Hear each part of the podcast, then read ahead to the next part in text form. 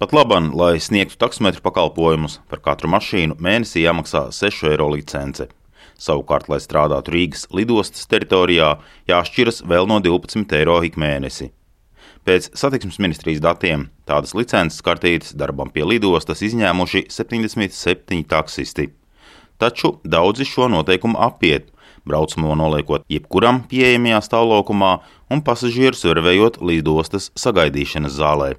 Problēmu ieskicē ministrijas sabiedriskā transporta pakalpojuma departamenta direktore Annija Novikova. Būtībā tas ir nelegāls pakalpojums, ko viņi piedāvā. Klientam tiek piedāvāts pakalpojums, kurš nav atļauts saskaņā ar likuma nosacījumiem. Proti, tā ir aģitācija piedāvāt pakalpojumu, kurš neatbilst prasībām. To arī paredz grozījumi starptautiskās lidostas Rīgas teritorijā autovadītājiem pašam vai ar citu personu starpniecību aizliegts piedāvāt pārdājumu pakalpojumu braucienam no objekta, kas ir šī lidosta, ja autotransporta līdzeklim, ar kuru tas ir iebraucis objekta teritorijā, autopārdājuma likumā noteiktajā kārtībā nav izsniegta licences kartīte ar speciālu atzīmi. Saimnes tautsemniecības komisijas priekšsādātājs Krišānis Feldmans no jaunās konservatīvās partijas norāda, ka šie grozījumi tiek virzīti steidzamības kārtā, lai novērstu nelikumīgu taksometru pakalpojumu sniegšanu starptautiskās lidostas Rīgas teritorijā.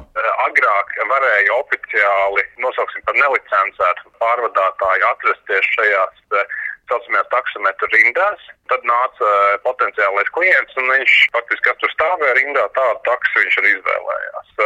Tad tika grozīts regulējums, lai šo situāciju ar šiem apšaubāmiem pakalpojumu sniedzējiem um, uzlabotu.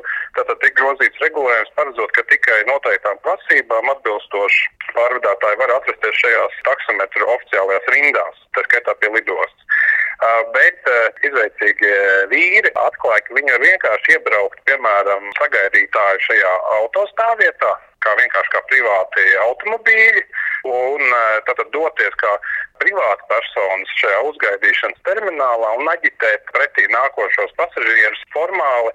Tātad šāda aģitācija līdz šim likumā nebija aizliegta. Tomēr taksometru pakalpojumu nozarē pilnīgi atbalsta ierēģu un politiķu virzītajām izmaiņām nav. Pret grozījumiem iebilst taksometru izsaukšanas mobilās platformas Yandex Go reģionālais vadītājs Jānis Čirsis. Likuma projekta autori piedāvā lidostā iebraukt tikai automašīnām, kas saņēmušas speciālo licenci. Mēs uzskatām, ka tas var radīt negatīvas sekas. Daudziem autovadītājiem licences iegūšana būs vēl viens birokrātisks šķērslis, līdz ar to tas negatīvi ietekmēs gan konkurences nozarē, gan taksometru apjomu pašā lidostā. Tagad turisma plūsma pamazām atjaunojas. Ja likumprojekts tiks pieņemts un līdz ar to lidostā ievērojami samazināsies taksometru skaits, transporta sistēma netiks galā.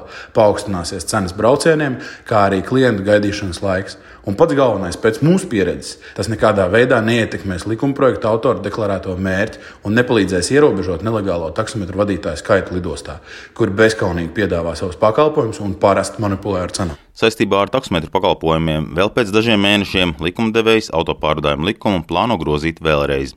Kā stāsta satiksmes ministrijas departamenta vadītāja Novikova, nodokļu maksāšanas uzlabošanai un ēnu ekonomikas mazināšanai likumā tiks iestrādāti valsts ieņēmuma dienesta priekšlikumi.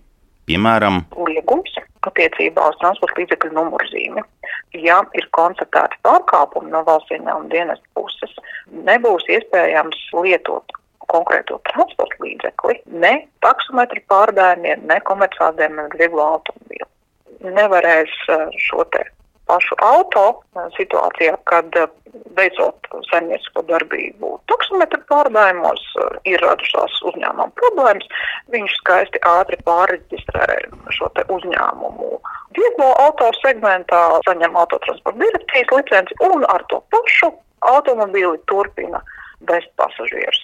Šī iespēja viņam tiks izslēgta, tas ir saucamie firmu karuseļi, kā ir iepriekš iegājies mēdījos viņus saukt un, lai to risku likvidētu. Proti, ka nevarēs uh, migrēt starp nozarēm, bet būs jānokārto saistības ar valsti un tikai tad varēs atsākt uh, komerces darbību. Tāpat mobilo platformu turētājiem, ja tie valsts ieņēmuma dienestam nenodos datus par taksistiem, tiks paredzēta administratīvā atbildība.